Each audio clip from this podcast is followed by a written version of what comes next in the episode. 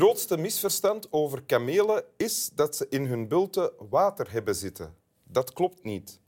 De bulten zijn in wezen opslagplaatsen voor vet. Een vet is een ester gevormd door condensatie uit glycerol, een trifunctioneel alcohol en drie vetzuurgroepen. Voilà. Ja, Ja, ik vind dat je dat mooi gezegd hebt. dank u. En daarmee is weer een en ander rechtgezet. Welkom in Winteruur. Welke drie groepen waren het? Drie vetzuurgroepen. Ja, Ja. oké. ja? Ja, Eh, Geert Verdikt, zanger van- en frontman van Buurman. Eh, de groep natuurlijk, de nationale muziekgroep. En op dit moment ben je so, heb je een soloplaat gemaakt en ben je als soloartiest aan het optreden. Hè? dat klopt. Zonder band. Zonder band. En de plaat heet Einzelgänger. Dus het klopt wel dat ik dan alleen het land rond ga Ja. met de nummers. En geniet je ervan? Is het plezant? Ik vind het heel fijn. Ik vind het heel anders dan ik gewoon ben, want normaal is er een band bij. Mhm. Nu sta ik alleen op het podium. Bevrijd eigenlijk. Maar dat zou je niet mogen zeggen, want misschien kijken Nee, maar zo mee. voelt het ook niet. Nee. Want ik mis ze ook wel, de Oh muzikanten. ja. Maar het voelt anders, het voelt directer. Het voelt... Ja, het is ook wel als een zee die zich even terugtrekt naar de essentie, om daarna weer op volle kracht... Oké, mo- mooi gezegd. Ja. En je bent ooit begonnen met, eh, met eh, muziek, met gitaarspelen, omdat je in de plaaster lag, omdat je knie kapot was van te veel te basketten. Klopt dat? Dat klopt. Ja. Ik eh, was een heel fervent basketter. En ik trainde heel veel. En ik speelde ook redelijk hoog niveau. En op een bepaald moment was ik aan het opwarmen. Ik denk dat ik 15 was of zo. En ik was aan het opwarmen en ik, ik gooide de bal tussen de ring en het bord wat daarachter staat. Mhm. En die bal die bleef daar hangen. En als je 15 bent en je springt en je kunt de ring raken, dan ben je ongeveer de grootste held van de ploeg. Mhm. Dus in plaats van een andere bal te pakken en die, mijn bal los te gooien, heb ik gelopen en ik ben gesprongen en ik ben neergekomen en ik ben op mijn knie terechtgekomen. Fout. Waardoor mijn meniscus kapot was en mijn gewrichtsbanden gescheurd en mijn kruisband over. Daar schoot niet meer zoveel van over. En daardoor zit je nu hier. Hè? Zo loopt het leven. Het lot, Wil je de tekst voorlezen die je hebt meegebracht? dat wil ik heel graag doen. Het is een gedicht en dat gedicht heet De autobezitter. Ik moest even denken aan Joe Roxy. Sorry, doe maar.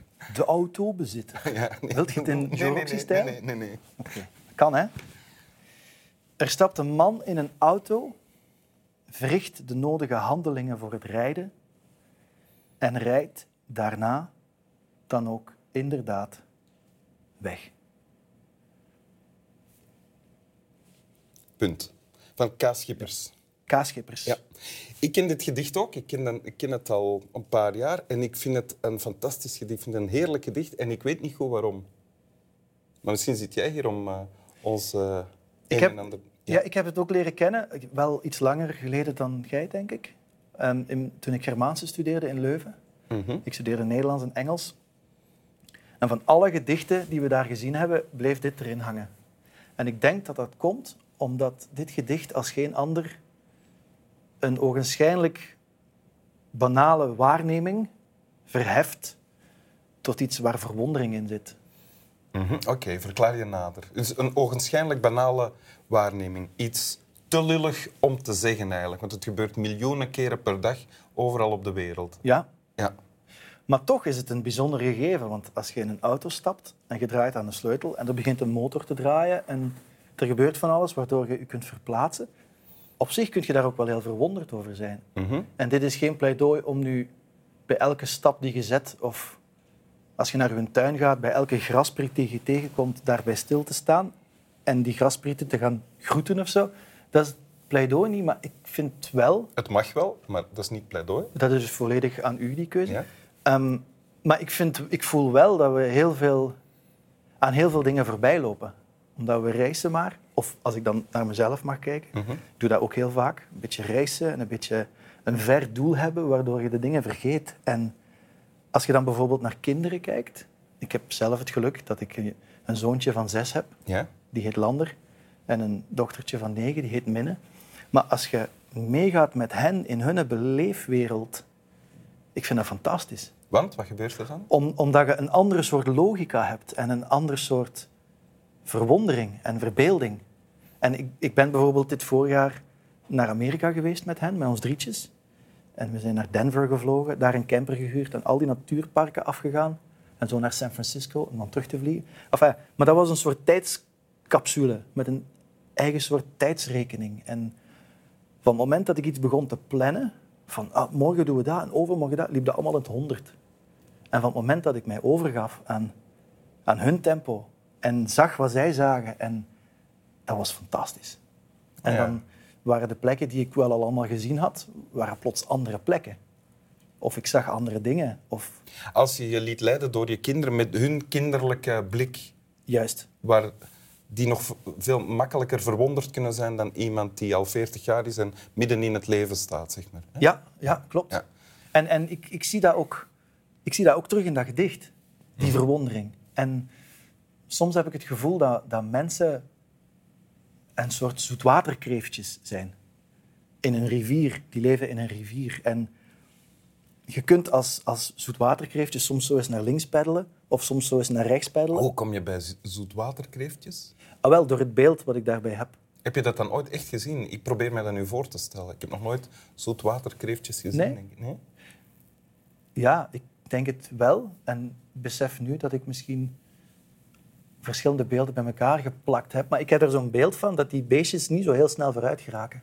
Dat die heel veel moeite moeten doen om ergens naartoe te peddelen onder water. Omdat die geen vinnen hebben. Voilà. Ehm, en je kunt dat doen als mens, dat peddelen, of, of naar rechts. En je kunt dat tot het einde van je leven doen. Maar de stroming van die rivier pakt u mee. En dan laten die zoetwaterkreeftjes gebeuren dan, of niet? Wel, misschien zouden ze de stroming moeten leren lezen, om dan te weten van, oh, ik moet een beetje naar rechts om de stroming te kunnen pakken. Want die rivier, en daar ben ik van overtuigd, die rivier pakt u mee naar waar je moet zijn. Die rivier die weet beter als jij wat je kunt, wat je niet kunt, waar je moet zijn. Die leidt u naar een soort amorfe toekomst. Een toekomst die mooier is dan wat je nu kunt verzinnen. En Dus dat zouden die kreeftjes beter doen, beter meer doen. En dat zouden wij mensen ook meer beter doen. Ik- Klopt? De... als ik voor mijn eigen mag spreken, wel. Ja. Want ik kom ook heel vaak mensen tegen die dingen doen waarvan ik zeg van wauw, dat is knap dat jij dat kunt doen elke dag opnieuw. En die zeggen dan van, ja, maar dat is eerder toevallig zo. Wat is dat dan bijvoorbeeld? Bijvoorbeeld iemand die schilderijen maakt Ah, ja. en waarvan die echt kan leven van zijn schilderijen en echt eh, internationale top is. Of eh, filmmakers. Ik maak naast muziek ook films. Ehm, en filmmakers die echt projecten vastkrijgen waar ze zich kunnen inbijten en, en jaren mee bezig zijn. Dat zijn fantastische dingen, omdat die mensen kunnen zijn wie ze zijn. En ik denk dat je daar geraakt door te vertrouwen op die rivier. En om te vertrouwen op die rivier heb je verbeelding nodig en verwondering nodig. En die verwondering, die vind ik in dit gedicht. Ja. Want wat er hier gebeurt, als ik dan toch nog eens, want ik probeer ook voor mezelf te formuleren waarom eh, vind ik dit dan zo'n heerlijk gedicht, eh, heeft te maken met al wat jij zegt en met iets te lullig om te benoemen, toch benoemen en eh, in een dichtbundel te zetten. Dus er de aandacht op te trekken en, Ja. en te zeggen van kijk, dit is iets dat uw aandacht verdient. Ik denk het wel. Ik Ja. denk dat het in het dagdagelijkse ligt. Dat je in het dagdagelijkse je geluk kunt vinden. Ge- gebruik je dat dan ook als je zelf iets maakt? Tekst of muziek? Soms wel. Heel veel teksten van mij komen uit de dagdagelijkse waarnemingen. Of details die ik zie, of die ik hoor, of die ik bespreek met vrienden. Die blijven hangen bij mij en daar koppel ik een beeld aan. En dan kom ik tot een film die je ziet als je je ogen dicht doet. Zo beschouw ik mijn muziek. En maar je probeert, klopt het eh, wat ik zeg, dat je ook probeert als je teksten maakt om het zo eenvoudig mogelijk te houden? Ja. Net zoals dit. Net zoals dit. Ja. Ja, ja. Oké. de eenvoud is soms vaak mooier dan ingewikkeldheid. Ik dacht, wat gaat er nu komen? Ingewikkeldheid. Ja. Wil je nog eens voorlezen? Met veel plezier. De autobezitter. Er stapt een man in een auto, verricht de nodige handelingen voor het rijden en rijdt daarna dan ook inderdaad weg. Dank u wel. Slaap wel. Slaap wel. Mijn favoriet woord in het gedicht is inderdaad. Dat maakt alles grappig ook. Ja, maar als je het probeert weg te laten, het, het is ook niet meer hetzelfde. Nee, nee. Het is ook een soort gevoel om aankomen. En die inderdaad bevestigt dat dan ook. Wat het deels nog banaler maakt, maar deels ook nog Grappig, grappig gewoon, omdat het... Ja, hij rijdt dan, dan ook inderdaad weg. Ja, wat dacht je? Hè? Ja, eigenlijk wel, Ja. als je het zo zegt.